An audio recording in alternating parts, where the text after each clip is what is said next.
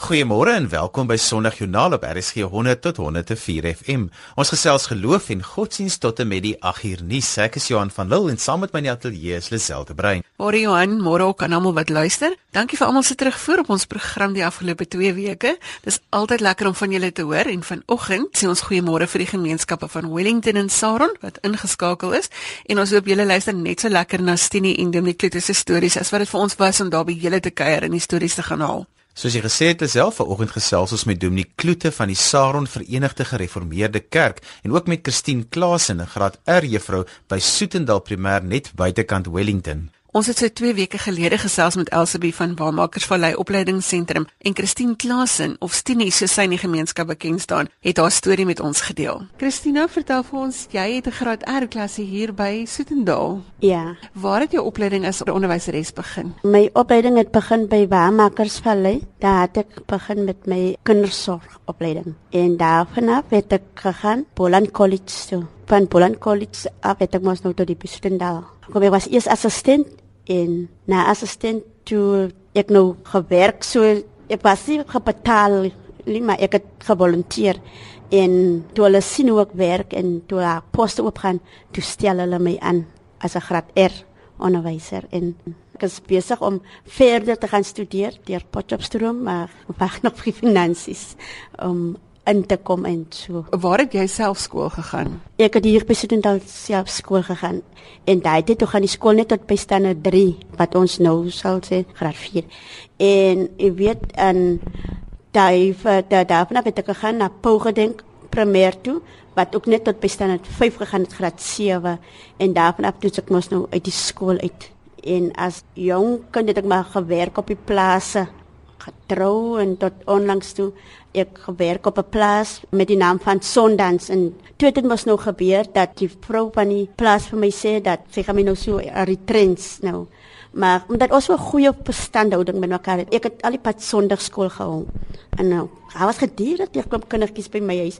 Net toe die dag toe sê sy vir my, "Tini, ek sal nou nie volgende jaar meer werk het jou nie, maar ek het jou ja werk soek." My idee was nou op die ander plaas want ek ken plaaswerk en so aan. En uh, op 'n dag toe kom sy sê sy, "Jou huis bly so vol gedurende vol kinders. Hoekom gaan jy nie in die kinderbedryf nie?" Nou vra ek vir mevrou, "Waar begin 'n mens?" Sy sê, "Jong, gaan nie af na die skool toe en dan gaan luister jy daar, jy ken mos nou die skool en toe kom ek mos nou skool toe. Dit was 2008 gewees, die Januarie maand. En sy sê toe vir my, "Maar sy het tog kindersorg gedoen by waarmakers." En ek dink toe, ek gaan nou sommer dieselfde dag gaan ek nou ek op die waarmakers luister. Maar sy sê toe nou vir my ek moet 'n graad 'n 9 sertifikaat hê, staan dit 7. Hulle het kindersorg en hulle het uh, tuisversorging en daai klas van tipe goed. Maar nou sê ek vir ek weet nie graad 7 nie. Ek is dan 5 uit die skool uit. Maar en dit sê ek sommer, maar ek het sonnaskool gehou. Ek ken kinders en ek weet hoe met kinders te werk. En sy sê vir my, "Ag nee, dit dis 'n probleem solank jy net kan lees en skryf, want jy moet 'n eksamen skryf." So het ek my kursus toe gedoen en almal wat nou gekom het, ons was seker so iets 'n paar mense, is oor die 30 gewees daai tyd en die kursus gedoen uh en dis ek die vierde beste nou van die groep nou.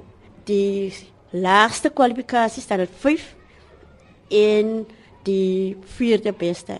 En toe ons nou ons sertifikaat kry, toe het ons by Goodnout sal by by uh, genote en een van daai dosente kom ons nou die oorhandigings doen. En sy moeder was toe so aan deur te sê uh, ons moet nou nie bly net die bewaarmakers ons moet verder gaan en so aan.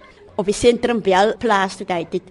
Sê nou vir my vrou ek kan nog by Boland College gaan luister en en ek is met die taxi Parel toe. Toe ek nou daar kom, toe moet ek daar ook 'n graad 7 sertifikaat hê en so. Maar ek sê ek het nie is so gawe 'n uh, 'n uh, uh, blanke vroutjie wat toe daar was. Daai dit en uh, ek sê ek het toe nou nie graad 7 sertifikaat nie, maar ek het waarmakers van lees opleidingsentrum. Ek het toe my sertifikaat by my. Ek sê ek het ek was by waarmakers en so. En sy sê dat waarmakers was 'n uh, op wat is jy waarmakers is nog 'n goeie opleidingsentrum? En hulle gee toe nou vir my ook daardie vorm en ek gaan vul in en sê nou vir my wat ek moet doen sertifisering en al daai dan uh, uh, dan het ek gedoen en toe ek by uh, Boland College gaan vaar en ek het my level 1 gedoen, vlak 1 en ek het vlak 4 gedoen en ek het my vlak 5 daar klaar gedoen. Christina, vertel vir my van die sonnaskool ou. Ek het mos nou my hart vir die Here gegee en ons het mos nou sonnaskole so op die wyke. Voor ek amptelik sonnaskool gehad het, was ek eers die afrigter met geestelike dansies vir die kinders en ek het uh, uh, altyd die onderwysers gehelp met 'n uh, uh, toneelskryf. Ek skryf toneel kinders oefen en daai klas wat ek begin later toe word ek toe sonnaskool onderwyseres. En weet in die sonnaskool was vir my soos skool. En dit was vir my soos die, my gemeente. Ek kon vir hulle preek, ek kon vir hulle huiswerk gee, ek kon vir hulle skool, ek kon vir hulle alles. En dit was vir my baie goed gewees. Sien ek het die kinders eintlik gehelp geestelik verryk word en ek self het my geestelik afryk en dit is 'n goeie ding om sonnaskool toe. Hierdie hele pad wat jy gestap het, nou sê jy 'n volwaardige onderwyseres van plaaswerker af. Het jy hierdie pad saam met die Here gestap? Het jy ooit met hom hieroor gepraat? Baie. En ek is vir hom tot op vandag toe baie dankbaar want is die Here wat ek hier was. Want weet u, deur my studies het ek die hand van die Here baie baie na aan my gevoel en ek kon baie se teenwoordigheid baie keer voel van hy was my staatmaker. Jy weet die kursus was mos in Engels en ek wat toe staan op 5 by die skool het is ken mos nog nie Engels so op die hoë mate. Ons het mos nog daai van sommetjies en plus en minus en die wiskunde wat ek gedoen het. Ek sê altyd die mense, daai A2 en hy X3 was vir my doodloopste gehad. En ek weet maar ek kan vir die Here dankie met die hulp van die Here. Het ek altyd teer gebid en ek was nie skaam om te vra nie. Die meneer uh Koraisen is ons wiskunde meneer. Ek het altyd op hom gevra, meneer Jong, ons wiskunde is nou dit wat ons so moet so doen, uh, dit wat ons nou hier moet doen. Wat beteken dit? En hoe maak ek dit? En dan het hy altyd weer vir my gehelp. En wat vir my so bonatuurlik goed was, toe ek my my results kry, my uitslae sou sê, toe ek die hoogste punte in in wiskunde as in die ander dinge. En daarom kan ek sê, en ek het so gebid as ek Here, ek ek is dom. Ek het dit genoem. Ek sê ek is dom. Ek is nie so slim nie. Ek ek ken nie matriekwerkie. Omdat jy maar ek vra u hulp. En en ek dink so in die nag baie keer sit dan dom ek sommer ek doen die werk en so aan en as ek as dit gekom alles ons moet eksamen skryf.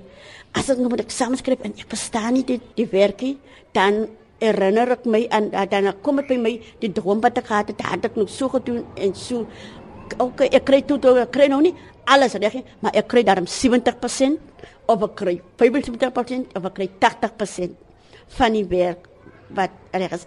En ek het hard geleer sien ek, ek het hard geleer om te kan verstaan en ek kan sê die Here was vir my baie goed en is nou nog vir my baie goed. Christina, jy het al hierdie goed gedoen met deursettingsvermoë. As jy nou vir oggend vir die mense wat luister boodskappe het, wat is jou boodskap? My boodskap aan mense is dat moenie moed opgee nie. Of moenie kyk uit watter omstandighede jy uitkom nie. En moenie kyk dat uh ja, maar ek kan nie daar kom nie. Wat ek kan sê, my omstandighede was hierde was aanduidelik dieselfde jaar toe al hierdie mooi goed met my gebeur, toe gebeur die slegte goed ook weet van dieselfde jaar 2008 uh, September maand die 24ste is vir my soos daglig toe los my man my net so uit. Ek werk nie ek ek studeer ek volunteer daar is nie 'n uh, uh, inkomste nie. Hy was die persoon met die inkomste hy is die man met die geld hy los vir my net so met die twee kinders. Gelukkig was hy een seun nog klaar met skool. Sommige skool gelos sal ek maar nou noem en die kleintjie was toe nog daai tyd pas hoërskool toe. Hy's graad 8. Dit dit dit was moeilik daar het ek ook die hand van die Here gesien. Soggens dan bid ek vir die Here as hy seun uit die skool kom, hou hy honger te weg laat hy mag speel tot wanneer was weer iets kry. Weet en maar dit het vir my opgehou. Daar het baie kere het dit by my gekom en gesê los alles. Gaan werk, jy sien en hoe gaan dit? Maar dan het ek net gedink nee, ek gaan aanhou. Ek gaan kyk na my omstandighede nie. As die man so brekerig in die dorp en loop met geld en mense kom sê dit dat o dan na dat beteken dinge gaan gaan polisie toe. Gaan klam aan, maar dan is dit so stem wat sê op wie vertrou jy? Ek is daar. En daarom kan ek sê dat baie keer kry omstandighede jou onder. Maar tog as jy hy wilskrag het. Ek het altyd deur die wilskrag gehad om deur deur te stry. Ek sê Here, ek weet u gaan my deur help. Vir alles ek in die nag wakker skrik en ek dink ayete, môreoggend is daar nie brood vir die kindie. Daar uh, môreoggend of as ek 'n bietjie papie dan sê ek Here, ek ek gaan op u vertrou. En môreoggend as die kind wakker skrik en haar. En hy is aangetrek aan wat? Hy so haastig vir skool gaan op beteken dat die Here so toe dat ons 'n bietjie verslaap. En as dit so haastig is dan nie nog tyd vir vir vir vir vir eetie bereisie maar dan kry mes 'n kosie by skool. Verstaan nie? En so die Here weet jy en as ek vandag terugkyk kan ek vir mense sê as jy daai deursettings vermoë het as jy glo as jy vertrou daar daar kom vir jou deur. En ek dink so, ek moet sy studental skool het my baie aan die hand gevat. Aangesien uh, uh ek meen jy moet kwalifikasies en wat en ek het my alles gegee vir sê. Ek het gewerk soos een wat gebetaal word. Verstaan jy?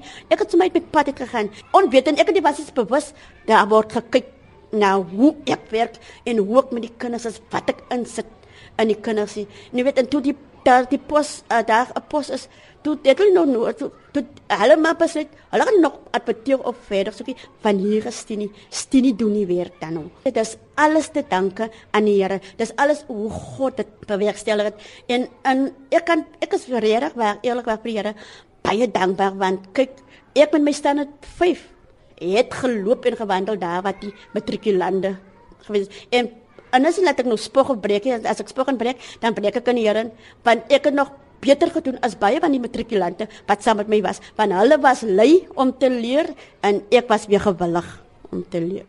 Lazel het gesels met Christine Klaas en goeiemôre as jy sopas ingeskakel het Sondag Joernalis waar ons godsdiens en geloof praat op RSG 100 tot 104 FM.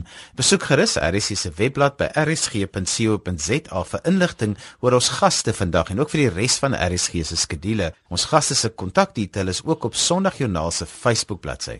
Ons sê ook goeiemôre vir 5 Manesh van Kimberley wat laat weet het sy is so geïnspireerd deur Stini se storie. Sy is ook 'n onderwyseres daar op Kimberley. Ons het die afgelope paar weke met 'n oralis of twee gesels en Anne Marie van Brackenhurst gemeente laat weet, hulle soek nou al so lank 'n oralis, maar kry niemand nie. So as jy kan orgel speel en jy's in die Alberton omgewing, dan skakel gerus vir die Brackenhurst NG gemeente en praat daar met Anne Marie.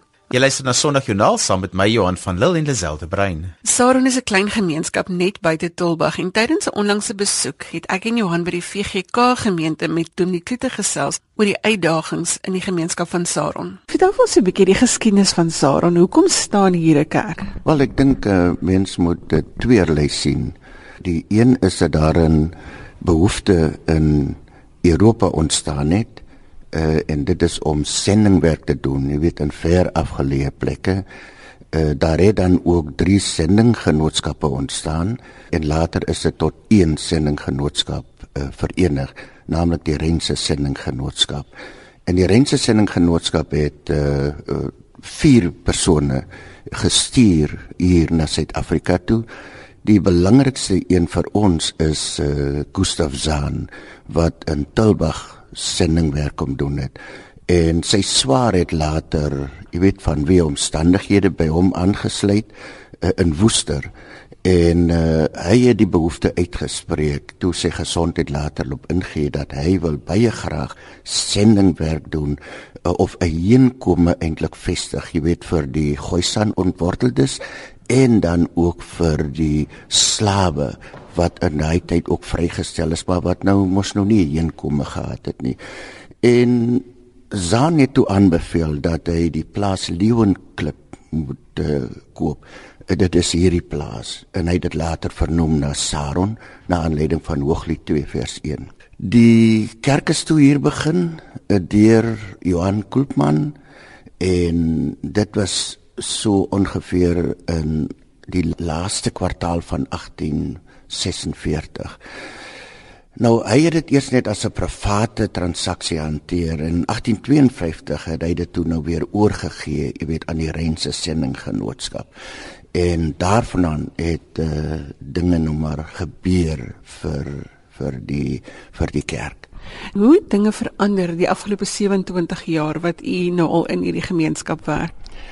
Wel, dis 'n baie interessante vraag, jy weet want uh Uh, toe ek nou 27 jaar gelede hier kom, moet ek daarom sê dat uh, ek het nog baie, jy weet van die ou Saron uh, kom vind, jy weet.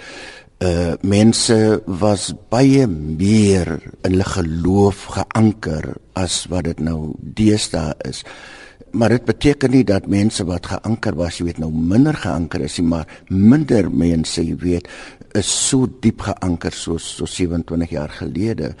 En ek dink daar het uh, baie dinge gebeur in die afgelope tyd, veral uh jy weet mense het al hoe meer begin wegbeweeg. Het, dit was mos maar 'n kerkdorp, dit was 'n geslote gemeenskap vir jy weet bykans 150 jaar en later het dit so gebeur dat die uh, mense het al hoe meer begin uitbeweeg. Uh die media het 'n rol begin speel. Uh jy weet mense het baie meer bewegende geglobaliseerde omgewing en dinge het net begin verander. Jy weet en die wêreld het net eenvoudig begin verplat, jy weet, en mense het uh, nuwe geleenthede begin raak sien, wegbeweeg, jy weet, van die kerk af en wat veral interessant is, jy weet, is dat uh, Saron tans in 'n uh, liminale fase is, 'n uh, oorgangsfase, jy weet, waar dat jy uh, 'n sekere groep kry is so half 'n soort van bipolêre neiging wat ons in die identiteit van die gemeente byvoorbeeld aanvaar. En ons kan omdat dit die grootste gemeente is, dit ook sien as jy weet 'n aanduiding van hoe dat dit eintlik maar in die breë gemeenskap gaan.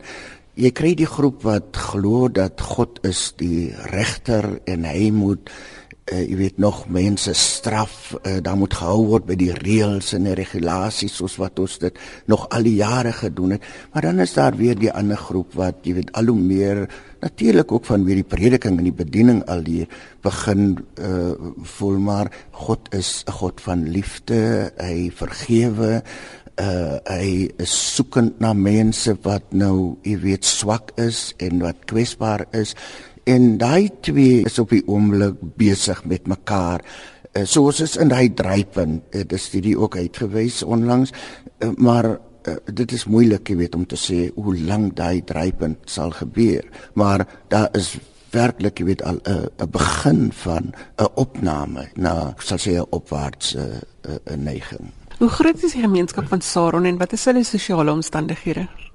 Die gemeenskap van Saron is en nou praat ek nou maar uit die statistieke, jy weet van Statistiek Suid-Afrika, uh, wat nou beskikbaar is, so staan omtrent nou so sê tussen by, by 6500 uh siele taal. Uh, ons gemeente uh, staan op die oomblik op 3500 wat nou weet deur ons bedien word.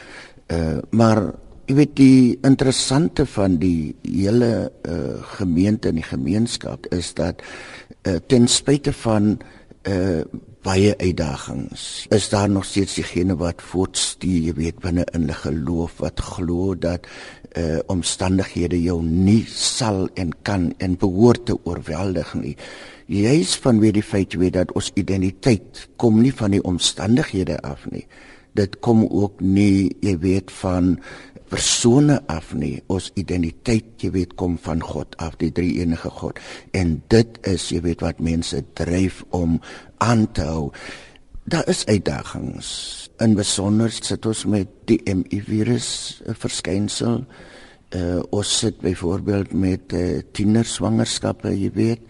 Uh die kinders raak al hoe meer jonger. Uh ons sit byvoorbeeld ook met die dwelmbase wat afbeweeg het ook onder andere en nes geskop het in Saron.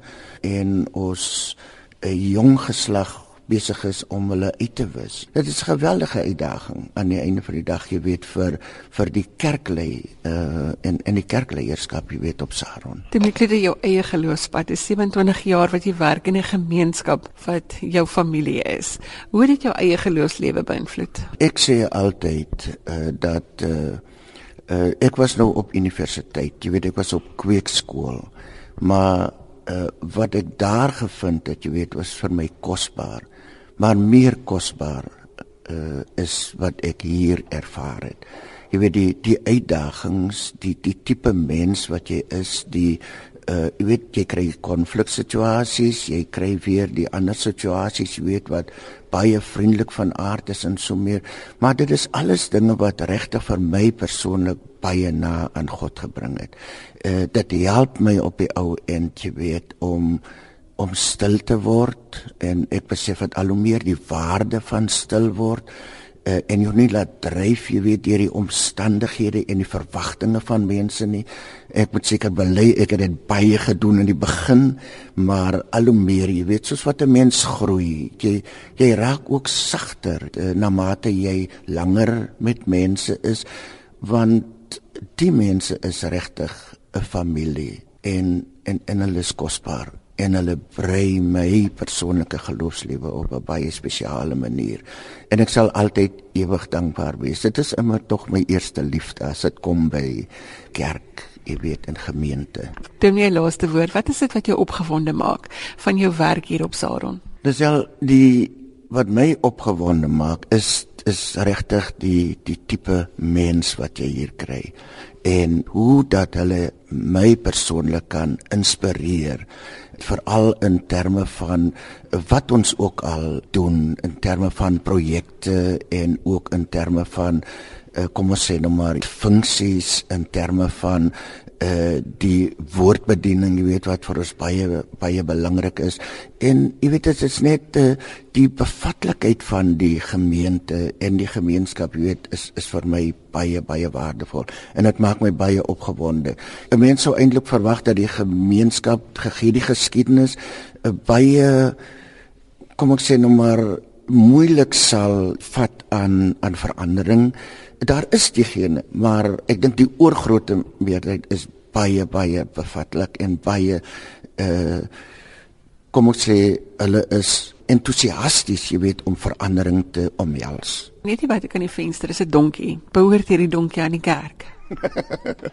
o, dit is nogal interessant. Nee, die donkie behoort nie aan die kerk nie uh, jy's gelukkig dat jy nou vanoggend uh, net 'n donkie gesien het. Daar is ook beeste en daar is ook skapies wat kom kuier so nou en dan.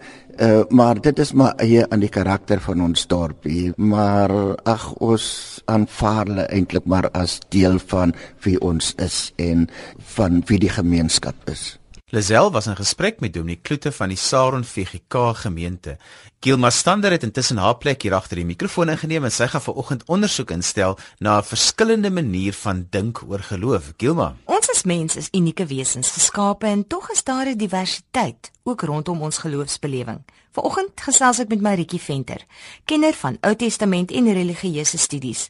Baie welkom by ons vandag. Baie dankie. Gedagtig aan ons tema, hoe lyk jou geloofslewe eners of anders? Wat is dit wat maak dat die moderne mens ook in sy geloofsbelewing soek na iets anders, Maritjie?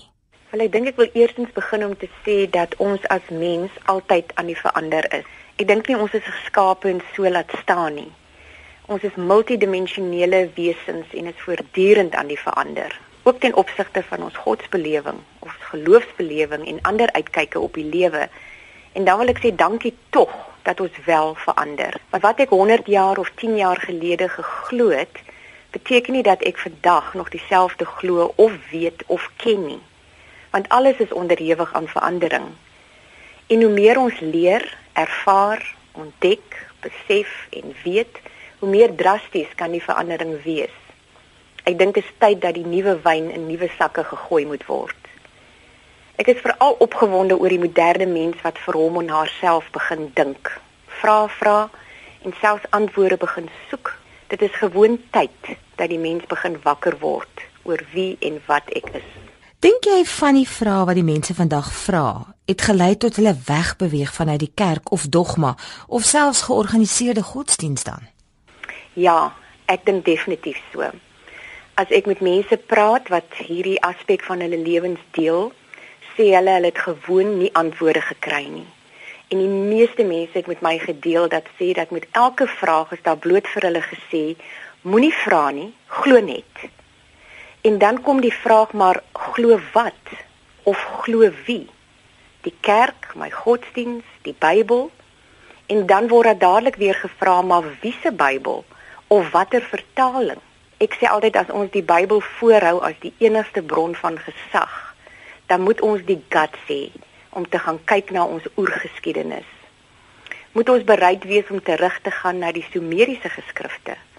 Moet ons die vrae vra oor al die gode in die Ou Testament en nie net ons blind staar na 'n paar mense se vertaling en interpretasie nie. En die moderne mens doen juist dit. Ek dink die moderne mens van vandag vra en kry nie meer hulle antwoorde uit die Bybel of by die kerk noodwendig nie.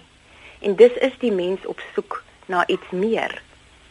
Ek dink ons leef ook in 'n tyd van ongelooflike transformasie. Ons kan net kyk na die ontploffing van dinge soos yoga, meditasie, vegetariese voorkeure en selfs alternatiewe gesondheidsmetodes. Want die mens wil hom of haarself van binne vernuwe en daardie essensie van wees ten volle omvou. Wat dink jy is hierdie iets meer waarvan ons nou praat? As ek dit nou 'n naam moet gee, sal ek dit my spirituele reis noem of my spirituele insig. Want ek glo wel daar's 'n verskil tussen georganiseerde godsdiens en spiritualiteit. Jy weet georganiseerde godsdiens is maar baie onlangs, dit is glad nie so oud nie.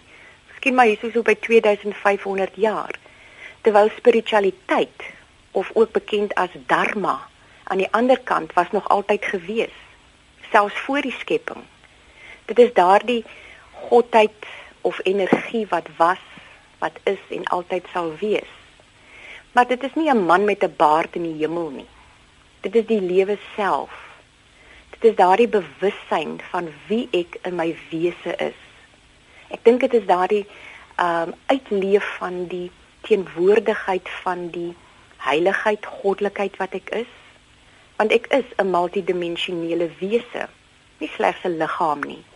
Ek dink daai gewilde stelling wat gesê het I'm not a human being seeking a divine life, but I'm a divine being living life through my human experience is nogal baie waar.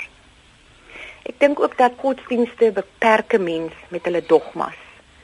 Dit bou grense en hindernisse. Ek dink dit plaas ons in bokse. Want ons beklei daaroor. Ons maak selfs dood in die naam van godsdiens. Dit is die hele tyd 'n wipplank gereiery oor wie is reg en wie is verkeerd. En hierdie ewige natuurlike weg wat ek die dharma noem, transformeer hierdie dualiteit en diversiteit. Dit is nie oor wie is reg of verkeerd nie. Dit is nie wie gaan hemel of hel toe nie. Dit gaan nie oor wat ons onsself noem nie, maar wat ons weet ons innerlike essensie is. En die vraag is, wat doen jy om jouself en die mensdom te lig na dit wat mooi en heilig is? Bring jy meer liefde, meer geluk, meer vrede in jou eie lewe en die van ander? Of dra ons by tot daai negatiewe ondergang van die mens deur altyd te oordeel, bang te wees, kwaad te voel, sleg te praat van ander of as 'n slagoffer van omstandighede te lewe? So my vraag is, wat is my bydrae? Van die toestand van die wêreld hang van jou en van my af. Dit wat ons elke dag dink en doen. Daardie kollektiewe bewussyn van die mens bepaal of ons positief verander of nie. Want 'n era kan slegs die kollektiewe bewustheid van die mensdom reflekteer. Maar hoe kry ons hierdie hele gedagte in beweging? Ek wil graag vir Gandhi aanhaal. Hy het gesê be the change you want to see in the world. En ek dink daardeur kan ons begin. Deur nie die energie te spandeer aan dit wat ons skei of diferensieer nie, maar meer eerder te konsentreer en te werk aan dit wat ons bind, dit wat eie aan almal is, dit wat uniek en eenders is, daardie spiritualiteit van ons wese. Ons almal het 'n hartklop en ons almal haal asem. Almal het daardie ewige lewe, die godheid, die heiligheid. Dit is ons essensie, ons blou druk die lewenskrag wat deur almal vloei.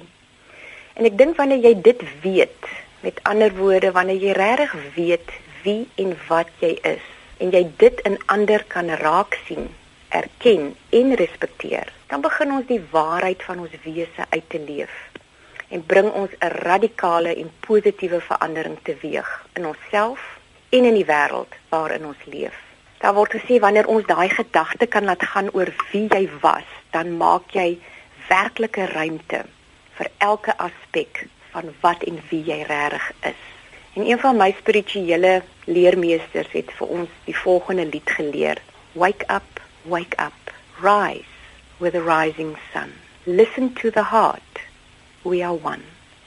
En ek dink daarin lê 'n klomp waarheid wanneer ons na die eenheid en die eendersheid van mekaar kan saam beweeg. So my wens is maar mag ons meer na die hart as die verstand luister. Mag ons die goddelike ritme van die hart klop en die asem hoor. Dit voel en dit beleef. Want in die stil word van ons stil wees, sê ons eintlik opreg dankie. Baie baie dankie vir jou tyd vandag. Dit was regtig heerlik om uh, ook met jou te gesels oor hierdie aspek. 'n Heerlike dag vir jou. Baie dankie.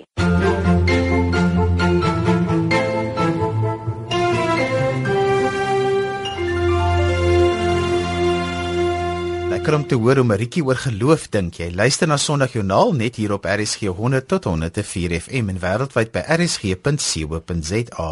Nou ja, so van eenders en anders gepraat hier by ons in die ateljee is Dr. Chris Jones en Sheikh Thafir Najjar vir ons gewone maandelikse intergeloofsgesprek. Môre julle. Môre Johan. Hallo Johan. Chris, kom ons spring sommer dadelik weg. Ons praat vandag oor vrede en ek dink nie daar's iets wat meer gepas kan wees vir hierdie tyd van die jaar nie. Kom ons praat 'n bietjie oor wat sê ons geskrifte of geloof oor vrede. Ja, Johan, vrede kom as 'n mens mooi kyk reg deur die Bybel voor. Ons kry dit in die Ou Testamentiese profete. Uh hulle verwys daarna. Ons kry dit in die evangelies. Ons tref dit by Paulus aan en dan kry ons dit natuurlik ook uh by Jesus en ek sal graag uh, net vinnig vir oggend wil verwys na Jesaja en die saligsprekinge. Uh, en ons weet die saligsprekinge vorm deel van die bergpreek van Jesus. Ons kry dit in Matteus 5 tot 7. En dan staan daar in Matteus 5 vers 9: Geseënd is die vredemakers, want hulle sal kinders van God genoem word. Dit is interessant dat vrede volgens Jesaja eintlik een van die kernkenmerke van die koninkryk van God is. En uh, volgens die Bybel beplan God vir ons vrede en wil God graag sien dat ons ook vredemakers moet wees. Met ander woorde dat ons medeskeppers van God hierin sal wees. En dis ook interessant Johan dat uh, Jesaja trek 'n uh, verband tussen geregtigheid en vrede. En Jesaja sê dat die mense wat geregtigheid najag, wat wat reg doen, hulle sal vrede en rus en sekerheid uh, geniet. So vrede, veral soos wat ons in die Ou Testament daarmee te doen kry, gaan eintlik oor die volheid van God se heil vir die mens en die wêreld. En uh, mense sou dus kon sê dat vrede volgens die Bybel allesomvattend is. Dit gaan oor heelmaak, dit gaan oor die herstel van 'n stikkende wêreld. Dit sluit met ander woorde liefde vir vyande en vervolgers in. Sheikh van ekstremiste het die begrip vrede gevat en dit so bietjie gaan amper uh, polariseer weg van van Islam af en van die Koran af. Bring dit vir ons terug in konteks dat mense kan verstaan vir alles se mense in konteks kyk maar wat so in die media berig is oor wat gebeur al die afgelope paar jaar. Ja, Johan, as ons kyk volgens die Koran, as ons kyk die woord Islam kom van die woord salam wat bedoel vrede. Wat bedoel dit? Dan Islam is 'n geloof van vrede. En as ons kyk byvoorbeeld dat die heilige profeet Mohammed en hy het vir ons geleer 'n gebed wat sê: O Allah, U is vrede en van U kom vrede. En baie belangrik is die derde punt van daardie gebed wat hy ook sê: So laat ons lewe in vrede. Nou Johan, wat baie belangrik is vir my Isa, is dat as ons praat van lewe in vrede, dan sê ons nie net moet moslim alleen nie, moet alle skepping van die almagtige moet diere, moet plante, moet mens, dit maak nie saak watter geloof jy is nie. En dit is die standpunt van Islam om dit te bring terug so u nou daar sê, is dit is jou beginsel en dit is waar as jy 'n persoon ontmoet, die eerste woorde wat gesê word is assalamu alaykum, vrede met jou. Dit sê dan vir ons dat die geloof is gebaseer op vrede. Jy moet vrede hê met jouself, vrede met die medemens en vrede met alle skepping soos ek gesê het. Chris nou al die geskrifte van die meeste gelowe sê dat vrede ongelooflik belangrik is en hulle maak dit baie duidelik.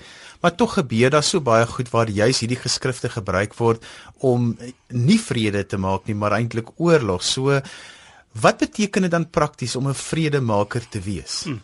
Johan, uh, dankie. Ek dink dis dis 'n baie belangrike vraag. Kan ek net voor ek dit antwoord, uh, ek, ek het net nou nagelaat om dalk iets meer oor vrede te sê dat dit interessant is dat dat vrede nie noodwendig die afwesigheid is van byvoorbeeld uh, vyhandelikheid nie. Die bekende teoloog van Ruler uh, sê iewers dat uh, vrede nie in die eerste plek gaan om iets weg te neem uit die lewe nie, maar dat dit eintlik daarom gaan om iets toe te voeg aan die lewe. So dit neem nie noodwendig al die strydlustigheid en die haat en die verskille en die konflik weg nie, maar dit verander situasies deur die toevoeging van liefde en deernis en hulp. So dit gaan eintlik oor die skep van sinvolle opbouende ruimtes waarin soveel as moontlik mense gelukkig en tevrede kan leef. So uh dit dit gaan oor die skep van 'n positiewe toestand te midde van al die konflik en en verskille waarin lewe vir mense kan gedei.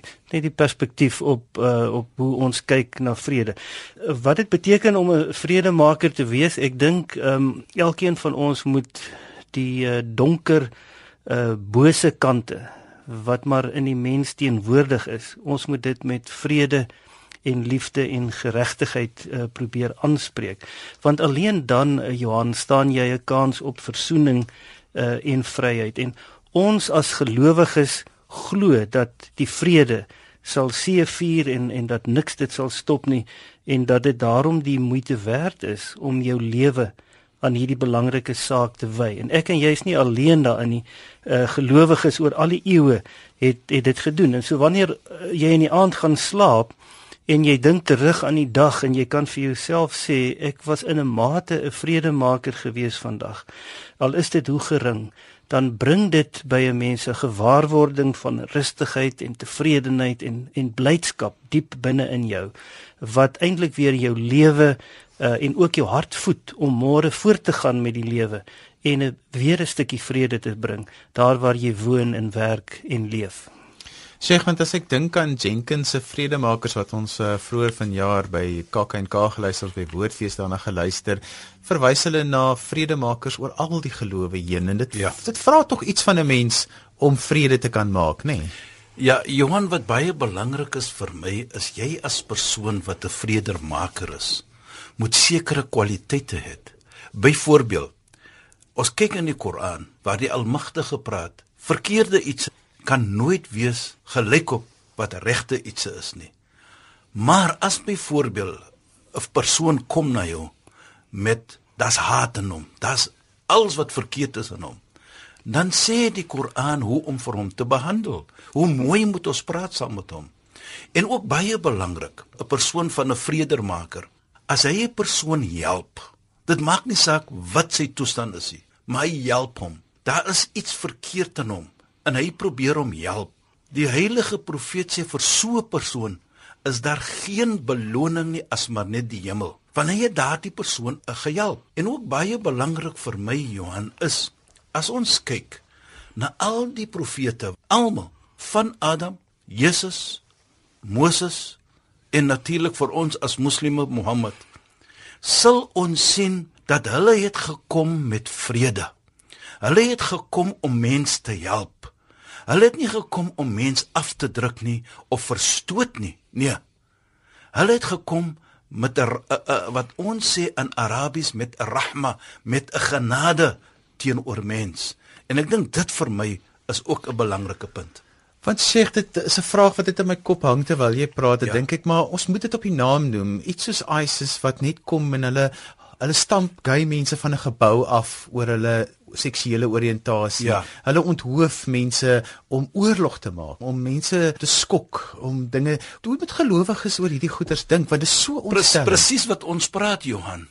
Daar is nie plek vir sulke goed in in in, in ons geloof nie.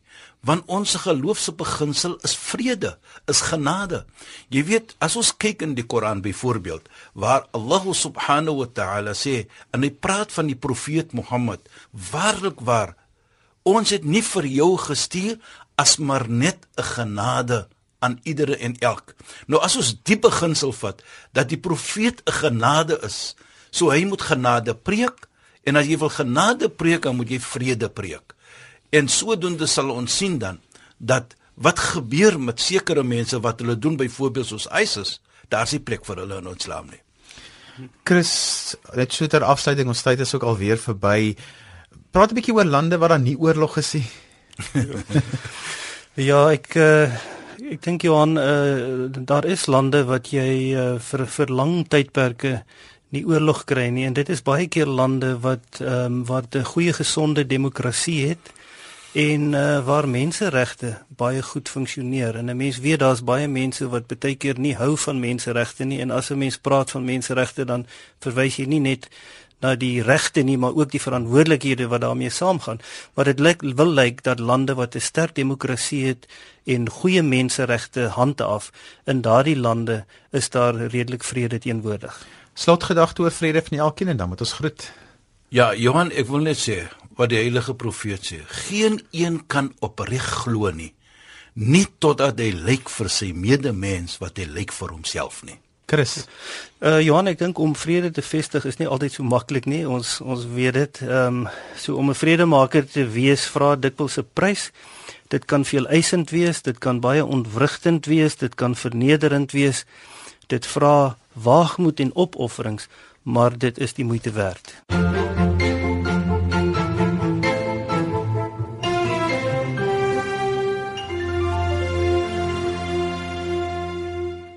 Daarmee het ons dan nou aan die einde gekom van ons kuiertjie vanoggend. Volgende Sondag is ons weer hier op dieselfde tyd met nuwe stories uit die wêreld van geloof en godsdienst. Tot dan van my Liselde Brein, totsiens. Tot later vandag sê ek ook totsiens.